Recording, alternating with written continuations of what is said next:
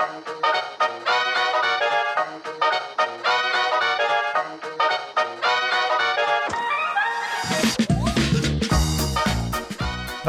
til Kulinarisk ølprat, podkastserien der du kan lære mer om øl og mat. Mitt navn er Junidar, og i dag så skal du faktisk få lære mer om øl og vin. Fordi eh, mange tenker nok eh, vin som sitt førstevalg når det kommer til drikke til mat. Eh, men her i Kulinarisk ølprat så er det jo ølet som gjelder. Så jeg tenkte jeg skulle ta og gi deg et par eksempler på lignende smaker man kan få i øl i forhold til velkjente druesorter. I sin enkelhet så er jo vin en fermentert eh, druejus. Bak det her så ligger det selvfølgelig mange, mange års eh, forberedelser for å gi eh, druen best mulig vekstvilkår, og selvfølgelig en produsent som skal ha best mulig kunnskap om håndteringen av eh, råvarene.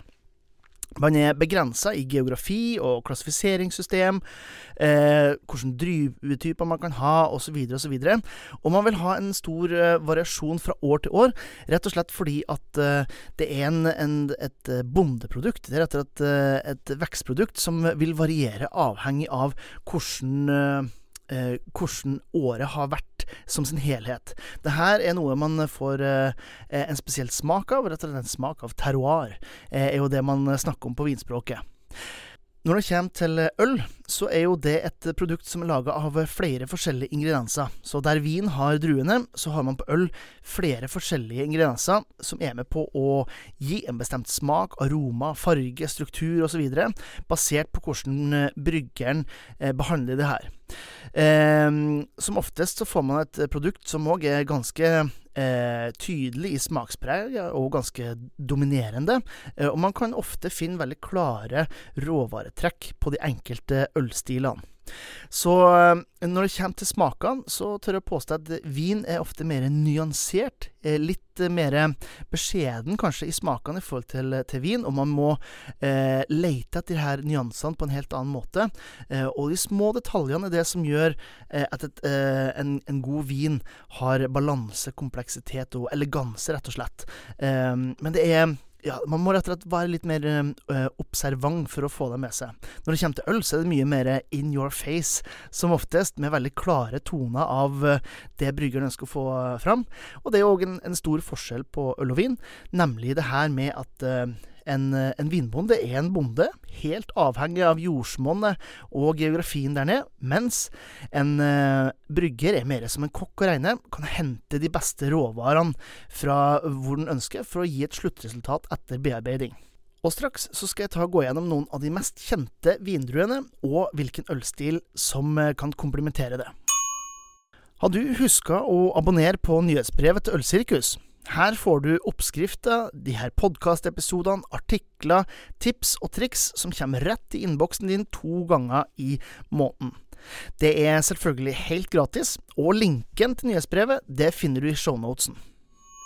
Første sammenligning på øl og vin er Cabernet Sauvignon og flamsk brun. Cabernet Sauvignon er verdens mest populære rødvinsdrue, og du finner den nesten eh, overalt i hele verden der det produseres eh, vin. Kjennetegnet på denne typen eh, viner er at de tar mye smak fra jordsmonnet og vekstvilkårene, og har gjerne smak av ting som mørke bær, kirsebær, treverk og lett krydder. Til sammenligning så lagres en eh, flamsk rød i ett til tre år på eikefat, og får naturlig nok mye smak og aroma fra det. Så blandes det for å gi en eh, nydelig kompleksitet og balanse, eh, og gir eh, veldig ofte preg av tørka frukt, kirsebær, lett treverk og selvfølgelig en frisk avslutning. Så mat du ville vært eh, Cabernet Sauvignon til, kan du da erstatte eller legge til en flamsk brun. Neste sammenligning er Syrah og amerikansk brown ale. Syrah produserer ofte kraftige viner med ganske høyt tanninnivå, altså det her tørrstoffet som eh, du kjenner i ganen når du drikker det, eh, og er en eh, drue som ofte lager viner med preg av blåbær, tobakk, grønn pepper og melkesjokolade. En amerikansk brown ale på den andre sida er en ganske så smaksrik kombinasjon av malt og et klart preg av humle. Resultatet er rett og slett en eh, ja, maltrik sjokolade- og rugbrødsmak, eh, med en sånn urtete humlepreg og en klar bitterhet i, i, avslutning. Så om du skal finne et eh, ølalternativ til syra, så kan du velge amerikansk brown ale. Neste sammenligning er Merlot og britisk porter. Merlot er en vindrue som du sjelden har eh, alene, men gjerne blanda inn sammen med andre vindruer. En velkjent blandingsdrue. Den er med på å gi veldig sånne juicy eh, viner med mye fruktighet. Prega av plomme og sjokolade. Eh, sjelden noe særlig tannine, og har en, eh, gjerne et eh, lett søtlig preg over seg. Britisk eh, porter ser man dessverre ikke så ofte i Norge som man burde, for det her er en nydelig liten sak. Den har ofte et eh, klart eh, fruktpreg pga. den britiske ølgjæra, eh, og så blir det kombinert helt nydelig med sjokolade og nøttepreg fra Malte. Så mat du ville valgt eh, Merlot til, kan du trygt gå for en britisk porter i ølverden. Neste er Sinfandel og baltisk porter. Sinfandel er en eh, morsom eh, drue. Den har eh, ofte et høyt fruktighetsnivå i smakene sine, og gjerne sånn eksotisk krydder, eh, tobakk i eh, nyansene sine, og gir gjerne litt sånn mellomsøt eh, viner. Baltisk porter eh, er jo både tørr og fruktig, altså det er jo mye malt i det, men bruker da en lagergjær for å få den helt tørr, og har et eh, maltpreg med sjokolade, tørka bær og krydder, og gjerne en lav bitterhet i finish som gjør den eh, kan oppleves som litt eh, søtere i avslutninga. Så mat du ville valgt en Sinfandel til, kan du da velge en baltisk porter. Går man til hvitvinsverden, så er det Riesling og hvitt som jeg tenker på først og fremst. Riesling er jo en favoritt, og vi her i Norge vi foretrekker faktisk Rieslingene våre litt tørrere enn en del andre steder i verden. Eh, Riesling byr på smak av lime og mineraler, grønt eple, og er ganske så eh, forfriskende med sin syrlighet. Det her er veldig friske og matvennlige eh, viner, og kan inneholde en del restsødme på et par, i hvert fall. Hvitt er et hvetøl med smak av appelsin og koriander, eh, og det er jo det her sitruspreget som, eh, som, man kjenner igjen. God fruktighet får man òg, og ikke minst en ganske sånn rik munnfølelse takket være bruken av eh, hvete.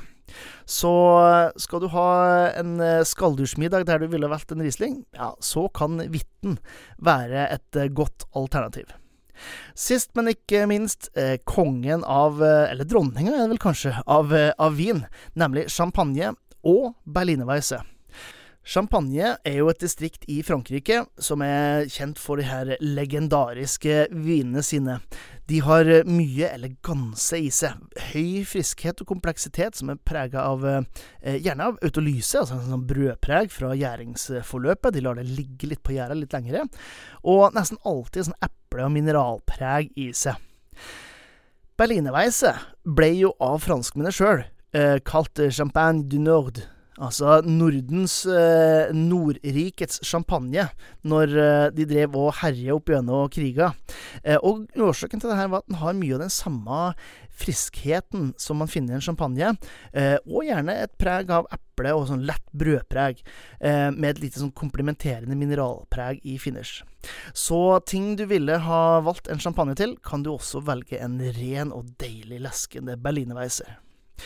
Jeg håper det her ga dere en liten innsikt i eh, hvert fall hva jeg tenker er gode komplimenter til eh, vindruer når det kommer til ølets eh, verden. Jeg har selvfølgelig laga en litt større artikkel på det her på olsirkus.no. Du finner linken i shownotesen, der du kan uh, oppdage litt mer om denne ganske så spennende tematikken som jeg tror ikke så veldig mange andre er så bevisste på. Så får du huske å abonnere. Også gjerne tips en felles gourmand om uh, podkastserien, og faktisk en vinperson kan du gjøre også denne gangen, for her får du litt informasjon om både vin og øl. Jeg tenker det kan være spennende for våre druejuselskende eh, naboer og kjennskaper. Da gjenstår det bare for meg å minne om at eh, livet det er for kort for å drikke dårlig øl og spise eh, kjedelig mat. Så la oss nyte god drikke, god mat og godt selskap.